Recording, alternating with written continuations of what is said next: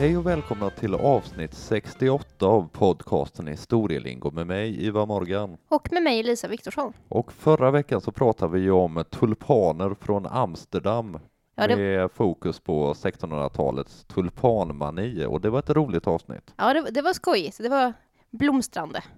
Och idag så ska vi prata om någonting inte alls lika roligt utan en ganska mörk historia, eller en väldigt mörk historia till och med. Det får man absolut säga, för vi ska hoppa fram ifrån 1600-talet till mellankrigstidens Tyskland och eh, en av de absolut närmsta kring Adolf Hitler. Ja, som ni har sett när ni har klickat på det här avsnittet så ska vi prata om Karin Göring. Precis, och hon var väl den, eh, den mest kända svenska nazisten kan man väl säga. Det får man verkligen säga. Men vi drar väl en vignett och sen så börjar vi. Det gör vi.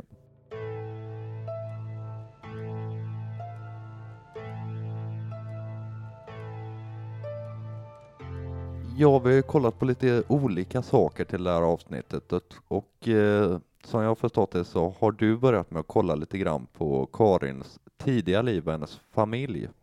Precis, som sagt, det här, det här är ett lite speciellt avsnitt. Men man måste ju även kunna prata om tunga ämnen och svåra ämnen. Mm. Och eh, Karin Fock, hon föddes i Stockholm den 21 oktober 1888. Mm. Och hon växte upp sen i liksom Stockholms överklass. Ja, hon var ju en del utav aristokratin. Absolut, för hennes far, Karl Alexander Fock, han var friherre, Mm. men han var framförallt militär, alltså till yrket. Och han hade mängder av olika militära titlar och utmärkelser. Bland Mm. annat så var han överstelöjtnant i Göta livgarde Ja, Okej. och han satt även som ledamot i krigshovrätten. Ja, okej. Ja, fint ska det vara. Och av sin samtid så var Karl Alexander Fock, han var en aktad man och respekterad och, och så i, i, i den här, Ja, det sena 1800-talet, Stockholm i den här och även i de här militärkretsarna. även om han kanske inte var en av de mest liksom, kända eller framstående i, i en Stockholms aristokrati, så eh, var han var aktad och respekterad för sitt, för sitt arbete och som person. Mm. Och eh, hans hustru, och det vill säga Karins mamma, hon kom från de brittiska öarna, Irland va? Precis, hon var från Irland och hon hette Huldine Beamish, ogift då. Och ehm, hon är väldigt viktig för den här historien kring Karin. Mm. För det är nämligen så att Karins mor, Huldine, hon eh, sparar på alla brev. Och Karin skriver ofantligt mycket brev till sin mor.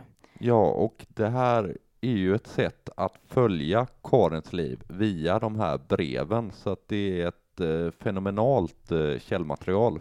Ja, absolut. Vi hade nog inte vetat riktigt lika detaljerat vare sig hur, alltså vad Karin gjorde och vad Karin tänkte och vad hon hade för eh, politiska åsikter och så.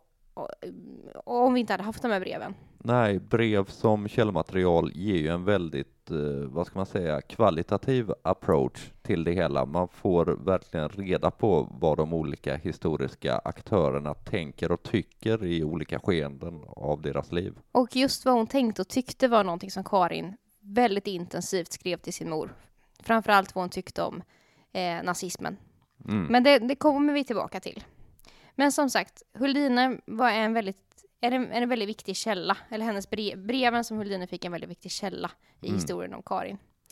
Men eh, Karin hade också syskon. Hon hade fyra systrar. Mm. Och en av dem kom att bli väldigt tongivande för den här, liksom, vad ska man säga, politiska karriären som eh, Karin kom att göra. Mm. Och det är hennes syster Mary, Just det. gift von Rosen. Mm. Och henne kommer vi få anledning att återkomma till. Ja, absolut. För när man pratar om nazism i Sverige på Mm. den här tiden så är ju von Rosen ett sådant namn som seglar upp där allt som oftast. Precis. Men som sagt, det, det kommer dröja lite. För att eh, Karin växer upp då i Stockholm. Och 1910 så gifter hon sig. Hon är ganska ung då, Mm. 22 år. Hon gifter sig med Nils von Kantzow Mm. och byter då namn således till Karin von Kantzow. Mm. Och eh, Nils är en lite spännande karaktär skulle jag säga. Mm. Hans far var gymnastiklärare. Ja, Okej. Mm. Ja. Och det här är något som Nils anammar. Och han blir elitgymnast. Ja, okej. Och han vinner faktiskt ett OS-guld. Ja, spännande. Ja, i London 1908. Och som av en händelse så har ju vi gjort ett avsnitt om det här. Inte Mm. om Nils von Kantzow, men om 1908. Och där har vi ett stort segment om just OS i London. Just det. Och eh, det heter Anno 1908, om någon mot förmodan skulle vilja lyssna på det. Mm. Men han var inte bara gymnast, utan han eh, var också militär, precis som Karins far. Mm. Och eh, ja, ganska högt uppsatt militär. Och han eh, beskrivs liksom av folk i hans omgivning som snäll och lugn och pålitlig och liksom trygg, men Men- tråkig. Ja, precis. Jag skulle precis flika in det. Jag har också läst det att han beskrevs som väldigt torr och tråkig på många sätt. Precis. Och två år efter bröllopet, 1912, så får de sonen Thomas. Mm. Karin och eh, Nils och lille Thomas, de lever liksom på sitt, sitt familjeliv och sitt överklassliv. Mm. Och jag sa tidigare att Karin hade en nära relation med sin syster Mary. Mm. Och hon hade också gjort sitt gott parti när hon gifte sig, rent ekonomiskt. Ja, för hon gifte sig också aristokratiskt. Som vi var inne på med von Rosen är ju en adelssläkt. Ja, absolut. Och eh, hon gifte sig med Erik von Rosen. Och eh, de huserade på Rockelsta slott i Sörmland, Mm. eh, i närheten av Flen. Och eh, för er som kanske har varit vid Rockelsta eller vet hur Rockelsta ser ut idag, så är det faktiskt Erik von Rosen som har byggt om slottet så som det ser ut idag. Ja, okej. Han gjorde en väldigt stor ombyggnation under sin tid eh, där och det är så det fortfarande ser ut då. Mm. Men Erik von Rosen är en viktig aktör i historien om Karins äventyr då, eh, som Karin Göring. Mm. För Erik von Rosen, han är en inbiten nazist. Mm. Och eh, om vi hoppar fram lite grann, under det som då kom att bli andra världskriget, så är faktiskt Erik von Rosen med och bildar ett nazistiskt parti i Sverige. Ja, precis. Det största av de nazistiska partierna i Sverige på den här tiden. Och det heter Nationalsocialistiska blocket. Mm. Och det är på grund av Erik som Karin träffar Hermann Göring. Mm. Precis. Kanske vi ska gå in lite grann på Hermann Göring då. Absolut. För Hermann Göring känner ju de flesta till. Han var ju, ja det finns ju en speciell plats i helvetet för honom. Ja, Längst ner om man ska följa Dantes eh, bilder skulle jag gissa. ja eller kanske till och med en nedanför. Ja, kanske till och med nedanför. I alla fall, Göring då, han, hade, han var ju tysk Mm. såklart och han hade gjort en karriär inom det tyska flygvapnet under det första världskriget. Eh, Han hade gått kadettskolan och i flygvapnet ansågs han vara en av de absolut främsta stridspiloterna. Och eh, det ska vi nog säga också att inom militära kretsar som ju då Karin rörde sig i så var ju, hade ju Göring blivit lite av en kändis sådär efter första det får man världskriget. verkligen säga.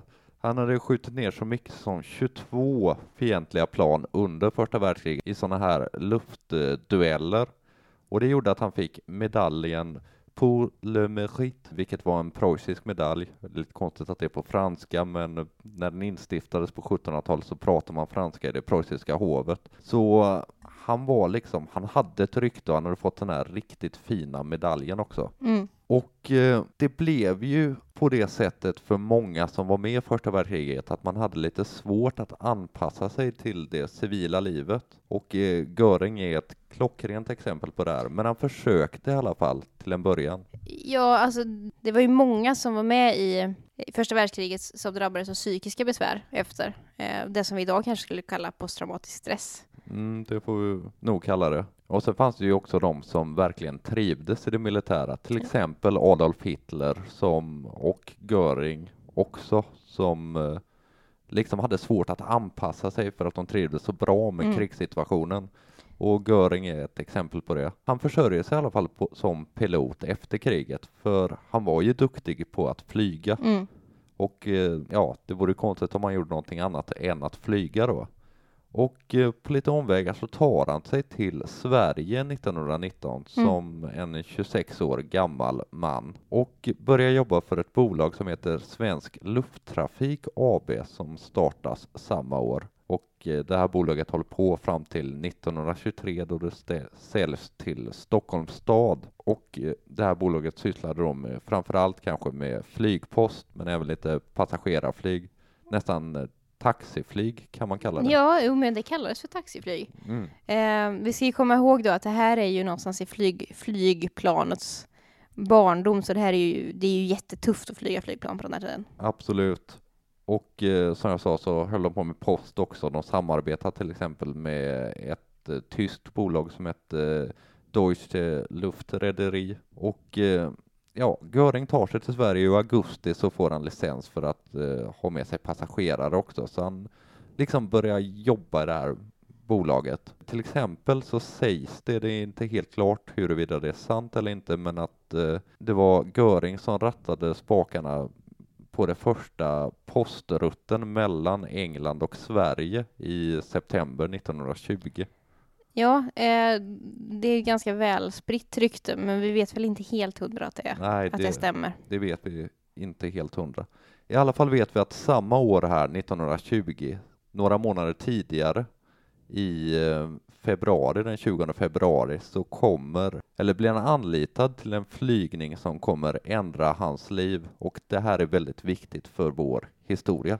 Precis, för den 20 februari så landar Hermann Göring på isen på sjön utanför Rockelsta slott i Sörmland. Mm. Och eh, passageraren, det är Erik von Rosen. Han har tagit en liten taxiflygning från Stockholm, vilket ju verkar helt absurt idag att man ska liksom ta taxiflyg från Stockholm till Fred, men ja. Det gjorde han i alla fall. Det gjorde han i alla fall. Och, ehm, Och till saken hör också att det var ganska dåliga väderförhållanden också, så att det var väldigt få piloter som vågade ge sig ut, men Göring ville se döden i vitögat. det, var, det var fullskalig snöstorm. Mm.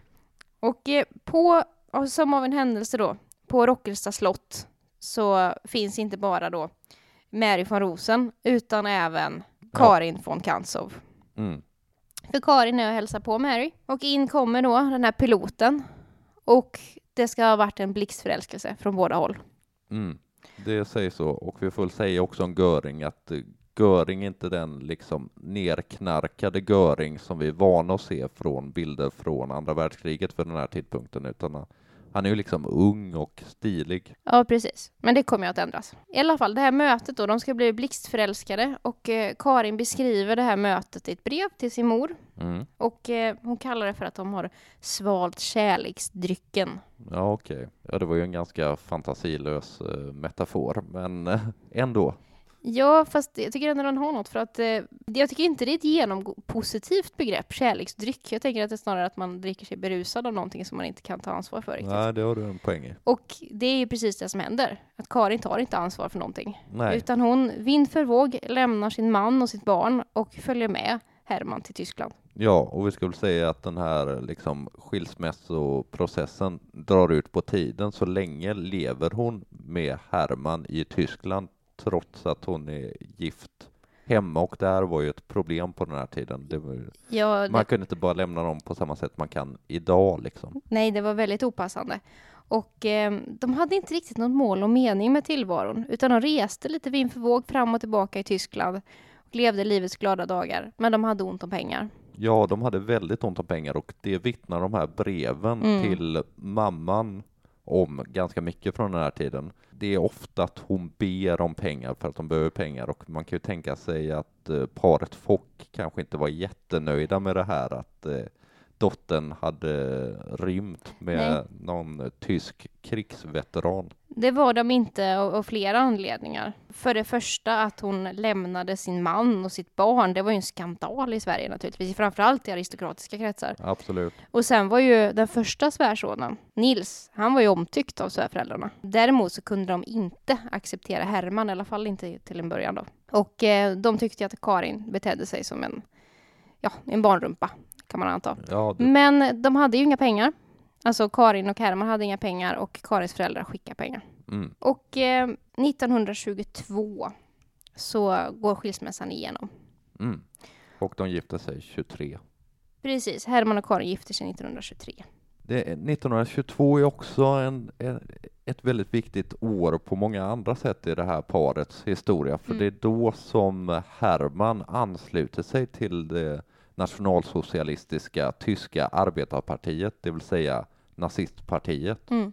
Och han klättrar ganska snabbt i rang här. Som jag sa tidigare hade han ju svårt att anpassa sig till det civila och det var många som hade svårt att anpassa sig till det civila som anslöt sig till partiet. De var liksom ett nav för sådana. Mm. Kolla inte minst på Hitler liksom, Nej. som är ärkeexemplet här. Ja, Men, det, det, det kan vi...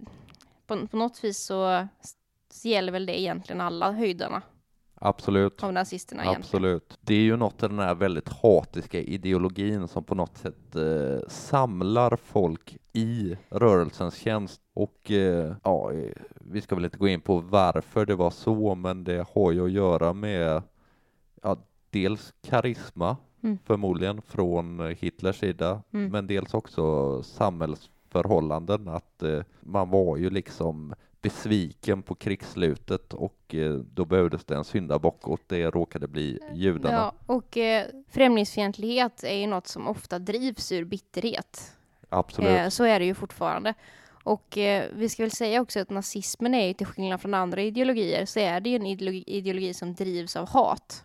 Absolut. Och eh, till skillnad från kanske då socialismen som drivs av solidaritet eller liberalismen som drivs av frihetstanken så drivs nazismen av rent hat. Absolut, så är det ju. Herman i alla fall, han klättrar inom den här organisationen och han får eh, uppdrag att organisera och bli chef för SA, det vill säga brunskjortorna, Mm. vilket var den paramilitära underavdelningen till eh, partiet. Mm. Hur ska man förklara det? Jo, man kan väl kanske förklara det som att partiet hade en egen liten här som var med på olika viktiga möten och så ofta slogs mot meningsmotståndare ja, vedervärdiga typer helt enkelt. De här var ju väldigt viktiga för att Hitler skulle komma till makten. Det var ju liksom kamporganet eller vad man ska kalla det. Mm. Och eh, de förblev viktiga ända fram till 34. Då var det de långa knivarnas natt och efter det så ersattes de kanske mer av SS kan man säga. Så vi hör ju, det är inte ett särskilt trevligt gäng som man blir chef över och Nej, det är det inte. Göring som jag sa tidigare är ju en av de största jävlarna i eh, historien. Ja, absolut. Det är han. Och han dömdes ju sen till döden också, men det, det är en senare historia. Mm. Fast han upplevde aldrig sin egen avrättning för han tog livet av sig natten innan. Mm. Men som sagt, det är en annan historia. Men eh, som du sa så Göring kommer liksom i kontakt med Hitler och han går med i partiet och det här. Då kan man ju undra vad Karin tänkte om det. mm. Och det vet vi ju tack vare att hon har skrivit om det till sin mor. Och eh, det är inte så att Karin bara liksom finner sig i det och struntar i vad sin man Håller på. håller på med. Utan Karin är extremt politiskt intresserad. Ja, Och Hon- driven. Ja, hon var ju lika mycket nazist ute i fingerspetsarna som maken, det vill säga Herman var. Absolut, det var hon. Och jag tänkte ta två exempel på när, när det här verkligen kommer fram i breven. Det kan, det kan komma fler exempel senare, men jag tänkte börja med hur hon beskriver Hitler Mm. i den här tidiga liksom, kontakten med Hitler. Eh, hon beskriver honom som en man full av sanningskärlek. Ja, okej. Och det här är ju en man som levde efter allt annat än sanning, sanningsideal. Det här är ju en man som eh, kunde manipulera sanningen och det var det han gjorde hela, hela tiden genom, ja, hela den politiska karriären han hade. Ja, och det är ju det är ett drag som är ganska utmärkande för diktatorer överlag. Ja, och, Att man struntar i, struntar i sanningen. Och, och för nazister och eh, extremhögern ja, också. Och för en del samtida. I alla fall, eh, så, så, så beskriver hon Hitler. Hon är, hon är liksom betagen av honom, att, eh, av hans karisma och av hans eh, sanningssägande. Mm. Och då undrar man ju hur Karin ställde sig till antisemitismen. Mm. Och som du sa, hon var nazist ut i fingerspetsarna. Hon var antisemit ut i fingerspetsarna. Mm. Till exempel så beskriver hon till sin mor att judar är hemska att se på, Ja, okej. vilket ju är helt bisarrt. Mm. Men eh, ska vi ta en annan händelse som påverkar paret Göring ganska mycket? Absolut. För vi får säga om eh, Tyskland på den här tiden att nazismen var ju som sagt på frammarsch. Men även i hela Europa. 1922 hade ju Mussolini haft sin stora marsch mot Rom och vi har ju ett tidigare avsnitt som eh, var vår årskrönika som vi släppte på nyårsafton. Ja, precis. En årskrönika över 1920. Ja, då diskuterar vi kappkuppen Mm. som också var en sån här yttring av hur extremhögern försökte komma till makten. Och 1923 har vi ju en sån här väldigt viktig eh, händelse i ja, Europas historia. Absolut. Och det är den så kallade ölkällarkuppen. Mm. Och eh, vi kan säga någonting om partiet nu, det nazistiska partiet. De hade vid den här tidpunkten eh, 55 000 medlemmar, Mm. vilket är väldigt många. Ja, absolut. Och eh, SA hade så mycket som 15 000 medlemmar, vilket också är väldigt, väldigt många. Det, är ju en väldigt stor del av partiet då som ingår i den här militära grenen. Mm. Och eh, det var alltså de som Göring basade över. Men den här ölkällarkuppen inleddes den 8 november i München och München ligger ju i Bayern. Precis. Och Bayern var väldigt stökigt på den här tiden, rent politiskt. Mm. Det fanns en mängd olika liksom eh, rörelser som ville eh, ha det på olika sätt. Och en man som är väldigt viktig för eh, den här ölkällarkuppen är en man som hette Gustav von Kahr. Han var en högerpolitiker och vurmade väldigt mycket för Bayerns självständighet och i viss mån så stödde han Hitler. Han eh, hade ju sett den här Mussolinis marsch mot Rom och tyckte att det var en bra grej och eh, Hitler var han också ganska positiv till, i alla fall till en början. Mm. Och i september det här året så blir von Kahr statskommissarie. För från regeringens håll så hade man utlyst något slags eh, undantagstillstånd och det gör att von Kahr utnämns till att bli i princip diktator över Bayern. Det är hans ord är lag liksom. Mm. Och det, ja, det är ju väldigt snabbt vi går igenom Ölkällarkuppen nu, men de grundläggande dragen i alla fall. Och då tar vi oss fram till 8 november när han har, ja, inte suttit jättelänge, men ett litet tag i alla fall. Och eh, den 8 november så ska han ha en, ett möte i en sån här ölhall och eh, vad var det det hette nu igen? Bygge Braukeller. Just det, det var så det hette och det låg i München då. Och eh, det var för bayerska nationalister och tjänstemän. Och eh, klockan åtta så började det här talet. Mm. Men efter 30 minuter så stormar nazister in i lokalen. Vi har eh, såklart Adolf Hitler, vi har Rudolf Hess och för den här historien intressant Hermann Göring, men Mm. även en mängd andra. Det är ett helt gäng som kommer in. Och Hitler ställer sig på ett bord och plötsligt så skjuter han ett skott upp i taket och börjar skrika. Och eh, det, vi vet faktiskt vad han sa på den här, när han stod där på bordet. Mm. Och det var det här. Den nationella revolutionen har börjat. Salen är omringad av 600 tungt beväpnade män. Ingen får lämna salen. Om det inte ögonblickligen blir lugnt sätter jag ett maskingevär på galleriet. Den bayerska regeringen och riksregeringen är avsatt. En provisorisk regering ska bildas. Riksvärnet och den bayerska polisens kaserner har ockuperats och riksvärnet och polisen har satts i rörelse under hakkorsflaggan.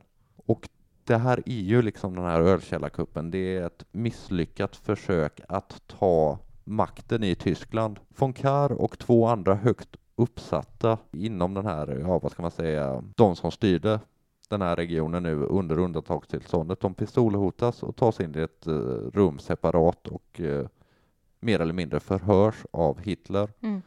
Men under natten så släpps de eftersom de har lovat att de inte ska lägga sig i det här kuppförsöket något mer. Och eh, lyckligtvis så gjorde de det. För man började genast att organisera motståndet. Man kontaktar Berlin och dagen efter så lyckas man kväsa revolten för Hitler tågade med 3000 man mot centrum av staden. Men efter två timmars kamp så arresteras nazisterna och eh, revolten är liksom kvävd. 16 nazister dog och tre poliser dog också. Många sårades också, bland annat Hermann Göring. Mm. Han skottskadades. Precis. Och ja, vi ska inte gå in så mycket på alla aktörer här, men en sak som kan vara viktig att ha med sig är att Hitler fängslas. Mm. Han döms till fem års fängelse, han sitter dock bara nio månader. Och under den här fängelsevistelsen så skriver han Mein Kampf.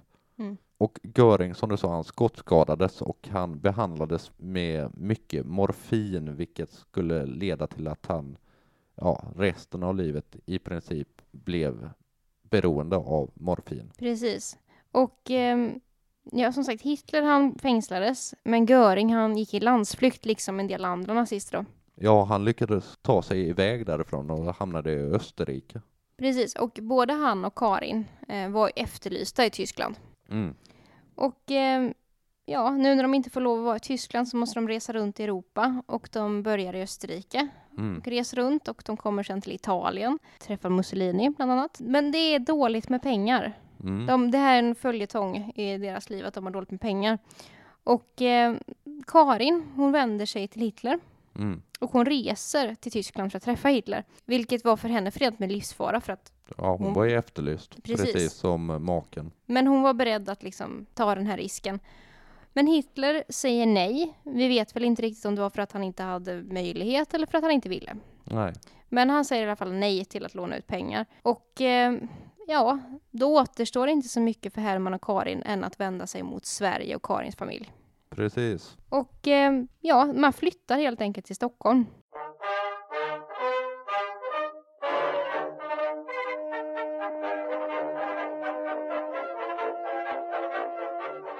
1925 så kommer man till Sverige och flyttar in i en lägenhet på Odengatan. Precis. Och en kuriosa kring den här lägenheten är ju att det är en ganska känd person som bor där idag också. Ja, precis. Komikern Felix Herngren bor i samma lägenhet idag, Ja, ehm, enligt honom själv i alla fall ja det stämmer säkert. Vi, vi säger inget nummer på, på huset, för vi vill inte hänga ut Felix Herngren här, men Nej. I alla fall, Göring jobbar nu som pilot i Sverige ett tag, men hälsan är väldigt svajig och det här med narkotikan börjar stiga honom över huvudet. Till exempel vet jag att Karin är tvungen att pantsätta vissa möbler som hon har ärvt för att kunna liksom få fram pengar till eh, morfin till Herman. ja, det är dyrt att knarka helt enkelt. Dock försöker man under de här åren att göra någonting åt Hermans eh, morfinmissbruk. 1925, det vill säga samma år de flyttar till Sverige, så läggs han in på Aspuddens sjukhem på något slags rehab, får vi väl nästan kalla det. Där ska han varit väldigt obehaglig. Eh, det är väl ingen stor överraskning kanske, men han var väldigt våldsam mot personal. Han försökte till exempel bryta sig in i ett läkemedelsskåp där det förvarades morfin. Dock ska den här vistelsen inte ha hjälpt särskilt mycket för både 1926 och 1927 så låg han inlagd på ett annat sjukhus, eh, Långbro. Mm. Så han fick väl aldrig riktigt någon rätsida på det här. Nej, det fick han inte. Men som sagt, man lever i Stockholm och man lever väldigt mycket då på Karins föräldrar och familj. Men 1927, då tar man sig tillbaka till Tyskland. Mm. Då är faran över så att säga. Ja, det har blivit något slags amnesti för alla de här gamla kuppmakarna Mm. så att eh, de är inte efterlysta längre och man får verka i samhället igen. Och eh, nazistpartiet går framåt. Mm. Och 1928 då så händer det ju någonting som kommer att förändra och vara avgörande för hela, liksom, hela världens historia egentligen. Ja, för det är då som nazistpartiet kommer in i eh, riksdagen. Och helt enkelt får liksom formell makt. Mm. Med 12 platser i riksdagen. Hermann Göring får en av de här platserna. Ja, han har ju liksom varit eh, trogen partiet och till och med varit i landsflykt för partiet så att partiet gillar honom. Så att då börjar de leva som något lite herrskap eftersom han blir liksom yrkespolitiker. Mm. Och det här avsnittet ska ju handla om Karin, så då undrar jag, men vad, vad gjorde Karin under den här perioden? Ja, det är ju intressant. Karin hade, som vi har sagt, ett nära förhållande med Adolf Hitler. Mm. Och eh, han kallade Karin, under den här perioden, så kallade han Karin för nationalsocialismens maskot. Mm. Och eh, idag kanske vi skulle säga ondskans maskot istället. Ja, absolut. Hon passade perfekt i den här innersta kretsen. Absolut. För vi du var inne på tidigare det här att många av topparna i nazistpartiet, de manliga topparna då, alltså männen i nazistpartiet, de eh, ja, hade svårt att anpassa sig efter ett normalt samhälle. Mm. Det var lite ociviliserade helt enkelt. Ja. Eller mycket. Och då var det jättebra att ha en adelskvinna från societeten. ja, absolut. För hon visste hur man för sig i finare salonger. Ja, och hon visste hur man underhöll också på ett, eh, vad ska man säga, på ett överklassmässigt sätt. Precis, som överklassdotter eh, vid sekelskiftet 1900 så är det man får lära sig, det är att föra sig som en fin dam och föra sig liksom som värdinna. Ja, Det är det, det är det hon är upplärd till. ja, att helt enkelt att sköta ett hushåll med tjänare och så för att kunna ta emot främmande på ett ståndsmässigt sätt. Precis. Sen kanske det inte riktigt var att liksom, nazistpartiet i Tyskland som hennes föräldrar hade haft i åtanke då, men eh, det är i alla fall det enda hon har lärt sig, liksom, det är att vara en perfekt värdinna. Mm. Och eh, hon är också perfekt utifrån nazismens skeva ideal. Absolut. Därför att hon är väldigt snygg och hon har ett väldigt, då, som de tycker, nordiskt utseende. Hon kommer Mm. flicka från, från Sverige liksom. Precis. Och eh, något som är också är bra med Karin är att hon inte bara är en snygg och duktig eh, nordisk kvinna då i deras ögon. Utan hon är också väldigt engagerad i politiken och hon kan politiken. Absolut. Hon är precis lika insatt egentligen som Herman är. Mm. Och sen ska vi säga också att det här är ju innan Eva Braun eh, är med i, i manegen så att säga. Så att Karin är ju ganska ensam som kvinna i den innersta kretsen. Absolut. Även om det fanns andra nazi- nazister som hade fruar och så, så var Karin var ju, hade ju ett eget engagemang Mm. för politiken och för partiet. Så hon var den liksom perfekta propaganda, vad ska man säga, propagandaaffischen. Ja, absolut. Hon eh, förkroppsligade de ideal som i det tredje riket ansågs vara de bästa. Precis, och man använder Karin till att hon liksom får hjälpa till att sprida propaganda. Och någonting annat som hon gör att hon har ju kontakt med Sverige Mm. och hon försöker då att omvända eh, vänner och bekanta, släkt och grannar och alla möjliga, försöker hon omvända till nazismen. Mm. Och- Och, vi har ju varit inne på det lite tidigare, men eh, nazismen växte i Sverige också. Det gjorde den absolut. Och eh, inte minst då partiet som Erik von Rosen var engagerad i. Mm. Men eh, i ett av alla breven till sin mor så eh, beskriver Karin just hennes arbete för att, som hon kallar det, omvända människor. Mm. Och eh, hon beskriver, hon liksom delar upp sina vänner och bekanta i två läger. De som liksom är okej, som har vänt sig till nazismen och de som hon liksom måste skuffa undan för att de inte har köpt nazismens ideal och kanske till och med antinazister. Ja, okej. Och eh, just en sån här bekant är hon väldigt ledsen över för att hon tycker om honom och tycker att han är en, en hyvens kille. Men han tror på demokrati. Mm. Och då beskriver Karin det här i brevet till sin mor att hon försöker att omvända honom från hans tokiga demokratiska idéer. Ja, okej. Så att ni hör, det, Karin är, är en riktigt, riktigt inbiten nazist. På alla fronter, på alla sätt. Absolut. Men tiden i den här innersta kretsen blir ganska kort för Karin. Mm. För hon är sjuklig och hon får en hjärtinfarkt 1930. Mm. Och då måste hon läggas in på sjukhus, Mm. sanatorium. Och eh, här visar hon en sista gång liksom, hennes extremt skeva världsuppfattning. För vet du vad hon skriver till sin mor när hon ligger där på sanatoriet Nej, och är det, svårt sjuk? det har jag inte läst. Hon beskriver sin lättnad över att vara på sanatoriet. Okej. Inte för att hon har överlevt och har liksom livhanken i behåll, utan hon är lättad över att judar är portade ifrån det här sanatoriet. Och att hon är glad och hon beskriver det som något fridfullt att slippa se judar. Ja, okej. Ja. Och det här är, det, det är otroligt skevt. ja, det om något visar väl att hon var en aktiv nazist. Hon var inte bara någon som Ja. liksom hängde med för att hon inte förstod, utan att hon var liksom någon som verkligen var sympatiserade Och- med rörelsen. Precis, och i det här brevet när hon liksom beskriver det här sanatoriet för sin mor så, så skriver hon också att det är skönt att se då att det här judeförbudet fanns i detta judefyllda land. Ja, okej. Så att det, det här är riktigt skevt och det här är ju då i slutet av Karins liv.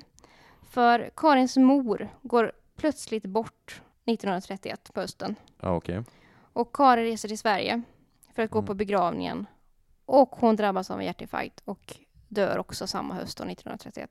Mm. Så att mor och dotter går bort mindre än en månad isär. Och eh, Herman blir ju förkrossad förstås. Ja, Herman är ju förkrossad och eh, ja, vi ska väl inte gå in så mycket på vad han gjorde under kriget för att eh, det är en egen ryslig historia som kanske blir ett annat avsnitt någon gång. Men en sak är liksom centralt om vi kopplar till Karin Mm. och det är ju den så kallade Karin Hall. Och det var, ja vad ska man säga, ett gods som Herman ägde och började bygga 1933 och det byggdes från 33 i etapper framåt, eh, beläget ungefär ja, 6-7 mil någonting från Berlin. Mm. Och som man hör på namnet så var det liksom en hyllning till Karin. Vi har Karin och sen så har vi Hall, det vill säga ja, ståndsmässigt ställe Mm. och förmodligen en blinkning tillbaka till Valhall. Mm. För nazisterna var ju väldigt eh, ja, fascinerade av eh, fornnordisk mytologi. Mm. Som de ju fortfarande är. Absolut. Och Karin Hall kom att bli viktigt för Nazityskland. Mm. Eh, Till exempel under kriget så roffade man ju åt sig väldigt mycket konst från Mm. ockuperade länder och de, det skeppades till Karin Hall och det var liksom byggt som en stor jaktstuga kan man säga. Och det var perfekt för att underhålla utländska gäster. Till exempel så vet jag att eh, kronprins Gustav Adolf var på besök här och eh, det var liksom ett ställe, ett ståndsmässigt ställe dit man tog folk från utlandet som var på besök, alltså eh, höga höns. Man hade lejonungar i trädgården som sprang runt. Man hade tennisbanor, man hade badhus nere vid någon närbelägen sjö. Man hade stora skogsområden där man hade planterat in hjort och så, så att man kunde jaga. Men eh, det här kommer att bli på många sätt ett stort mausoleum för Karin. För 1934 så lyckas Herman få till att flytta hennes kvarlevor ifrån Sverige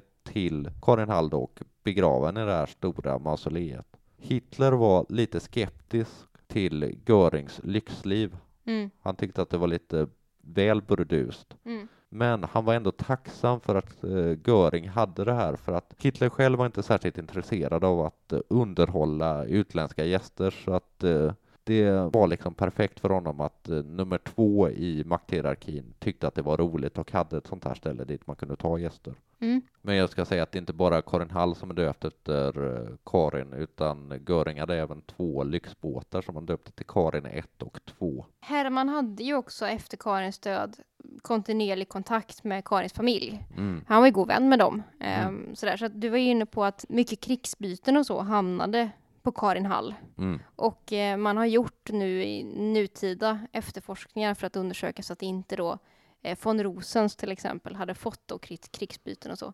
Men Mm. där har man inte hittat någonting att Erik von Rosen skulle ha haft eh, någonting sånt. Ja, okej. Men eh, jag tänkte på en annan grej som du sa om Karin Hall. Karins grav. Mm. För hon dog ju i Sverige Mm. och begravdes i Sverige. Mm.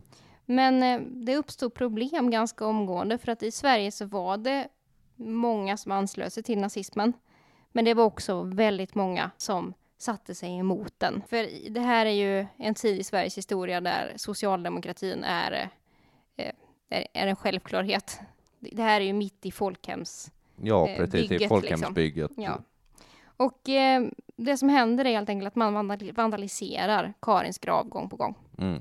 Och eh, det är det, detta som driver Herman att flytta graven till Mm. Karin Hall. Ja, det där specialbyggda mausoleet. Precis. Den 28 april 1945 så börjar sovjetiska trupper att eh, närma sig eh, Karin Hall. De Mm. är på väg in mot Berlin och då beordrar Göring att man ska spränga allt i luften. Mm. Det finns lite kvar idag, men det mesta är borta. Och det här gör ju att Karins kropp försvinner ju. Mm. Och eh, är borta fram till, tror man, 1951. För då hittar man en kvinnokropp i närheten av där Karin Hall låg. Och de här kvarlevorna förs då tillbaka till Sverige till släkten. Precis. Och de kremeras och begravs på samma kyrkogård som hon var begravd från början. Mm. Och man var helt övertygad om att men det, är klart att det är klart att det här måste vara Karin. Och det var man övertygad om fram till 2012. Ja, det hela börjar egentligen 1991 Ja, då man hittar andra kvarlevor på området. Och- Men 2012 så lyckas man via DNA-analys eh, verkligen säga att det var De- Karin. De här kvarlevorna man hittar på 90-talet, det ligger också i en kista, ska vi kanske tillägga. Mm. Men då kan man inte avgöra om det är Karin eller inte. Men 2012 så bekräftar man att det är Karin Göring. Ehm, Mm. Så att då förs de här kvarlevorna också till Sverige och begravs då tillsammans med den här kremerade kvinnan som man har begravt där. Och det vet man inte vem det är. Nej, det har man ju ingen aning om vem det var. Så det är någon stackare som har behövt ligga i eh, Karin Görings grav. Mm. helt enkelt. Men eh, även om Gö- Herman sörjde så, så hindrade de inte för att gifta om sig. Nej, han eh, gifte sig med en kvinna som hette Emmy. Emmy Sonneman och hon var eh, känd skådespelerska i Tyskland. Mm. 1935, alltså då fyra år efter Karins död. Mm. Och de får en dotter tillsammans som eh, levde faktiskt ända till 2018. Ja, och sen så, eh, vi pratade ju just om Karin Hall, det fanns också ett Emmy Hall Mm. i Ostpreussen, men det var inte alls lika liksom upphaussat som Karin Hall. Och det tror jag var ett litet problem med det här äktenskapet också, att hon hela tiden behövde leva upp till eh, liksom den standard som Karin hade haft i eh, Hermans ögon. Ja, precis. Karin var nog satt på en väldigt hög piedestal.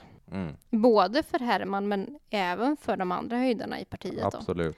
För som sagt, hon kallades av Hitler för ehm, Nationalsocialismens maskot. Precis. Och eh, vi var inne på tidigare vad som hände med Herman. Vad han hade för sig under andra världskriget tror jag de flesta känner till. Mm. Eh, det är mycket möjligt att det kan komma ett avsnitt om det vid annat tillfälle. Ja, han var ju en av de absoluta topparna och eh, bossade över Luftwaffe och eh, var en förskräcklig människa på alla sätt. Och han dömdes ju då till döden. Och den här avrättningen då ägde aldrig rum, för han lyckades på något sätt att ta sitt eget liv natten innan avrättningen då. Så att Mm. han går bort den 15 oktober 1946. Ja, det här var väl historien om Karin Fock eh, von Kantzow Göring. Mm.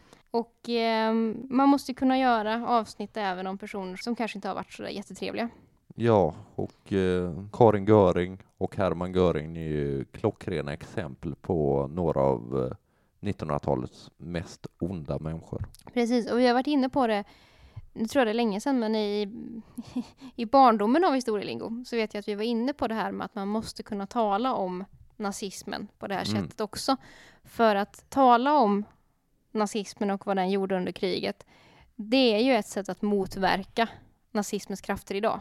Absolut. Så därför är det jätteviktigt att vi inte glömmer bort vad de gjorde och hur otroligt skev människosyn och världsbild de hade. Och det är ju på grund av människor som eh, Karin och Hermann och Hitler och sådana här som eh, förintelsen ägde rum, vilket är ja, det, ett av de absolut mörkaste kapitlen i världshistorien någonsin.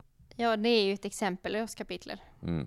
Och eh, det är jätteviktigt att vi fortsätter att prata om det som hände under krigsåren. Mm. Eh, både nazistpartiets ideal och politik och de liksom, judelagar som infördes eh, Mm. runt om i hela Europa. Men eh, också förintelsen. Men det är också viktigt att komma ihåg att tyvärr var inte nazismen något som tog slut med kriget. Nej, Utan det är något som har levt kvar och lever kvar än idag och är i dagens Sverige tyvärr någonting som är ganska starkt. Som Mm. har många anhängare. Och därför så är det så otroligt viktigt att man kan prata om det här. För att Ja. avskräcka folk ifrån att dras till den här extremt hatiska ideologin. För absolut. det, det driver liksom inte samhället framåt. Nej. Det driver den väldigt långt bakåt. Och det finns ju fortfarande idag, som vi varit inne på, en ganska, inte jättestark, men en förvånansvärt stor grupp av människor som fortfarande hyllar sådana här Mm. personer som Karin eller Hermann eller Hitler eller Vidkun Quisling för den delen som vi talade om för några veckor sedan. Precis, vi gjorde ett avsnitt om honom eh, 25 mars. Som, eh, det är avsnitt 56 om man vill lyssna på det. Det påminner lite grann om, om dagens avsnitt. Ja, och eh, då är det ju väldigt viktigt att verkligen belysa sådana här människor att de var helt vedervärdiga. Ja, absolut. Och eh, för det är ganska skrämmande det som sker i, om vi, i egentligen i hela världen. Att det, det finns en högerextrem eh, kraft och vind som, som blåser i, i politiken i, genom hela världen. Och Ja. som sagt, i Sverige är det många, många yngre som ansluter sig till, eh, till nazistiska rörelser och sådär, eh, Mm. än idag. Och det, det är något som vi alla måste hjälpas åt att försöka stoppa. Ja, vi måste tampas med det varje dag och vi får aldrig glömma. Nej, det får vi inte göra. Och eh, ett ställe som sånt här sprids på och där folk värvas, det är ju i sociala medier. Mm. Så att ett sätt att försöka förhindra det här är att hålla koll på vad ungdomar håller på med på nätet. Absolut. För det finns väldigt mycket nazistisk propaganda eh, i sociala medier och ofta är den ganska väl kamouflerad. Mm. Och eh, de har många, många tusen anhängare, eh, de här sidorna. Mm. Ja, med de orden så kanske vi ska avsluta det här avsnittet. Och ehm, ja, har man några idéer om historielingo eller frågor eller egentligen vad som helst så kan man höra av sig. Vi har en Instagram som heter historielingo. Och vi har en mejladress som är historielingo.gmail.com. Och eh, kom gärna med förslag om det är något speciellt ämne som, eh, som just du skulle vilja höra. Ja, och eh, nu så är det ju försommar snart så att eh, jag tänker att nästa vecka får vi prata om något eh, muntrare. Jag tycker också det. Det får nog bli något helt annat nästa vecka. Ja, vi hörs då. Ja, vi hoppas ni vill vara med oss på torsdag också. Ha det så bra till dess. Hej! Hej!